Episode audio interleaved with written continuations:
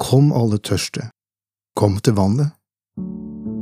Dere uten penger, kom og kjøp korn og spis.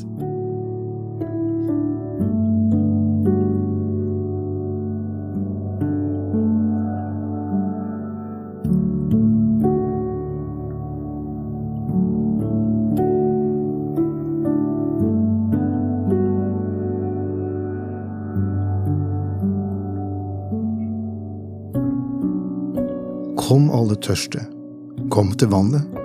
Dere uten penger, kom og kjøp korn og spis. Dette bibelstedet i Jesaja 55 er snodig. Hvordan kan man kjøpe når man ikke har penger? Men i neste vers står det, Hvorfor bruke penger på det som ikke er brød, og arbeid på det som ikke metter? Hør nå på meg, så skal dere få spise det som godt er, og fryde dere over fete retter.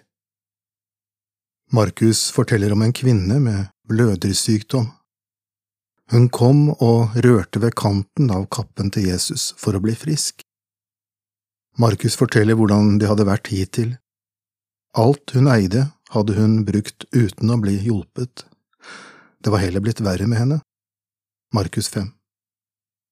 Men endelig, da hun rørte ved Jesu kappe, stoppet blødningene. Som henne er vi gjerne blakke. Kanskje ikke i penger, men i sjel, kropp eller ånd. Vi har prøvd alt som ikke virket, det som ikke er brød. Vi har slitt oss ut på det som ikke metter, og det ble bare verre. Endelig kom vi til Jesus. Det som virkelig hjelper, kunne vi likevel ikke betale for.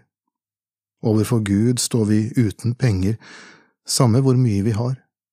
Særlig gjelder det vår urettferdighet, mens Gud er hellig. Men Jesus betalte prisen. Vi trenger likevel å kjøpe, står det. Å kjøpe er å velge, ta steget, prioritere. Å bli kristen koster ikke penger, men at vi legger ned vårt liv og følger ham. Å kjøpe er å ydmyke seg ved å ta imot det Gud gir, uten å kunne gi tilbake hva det kostet.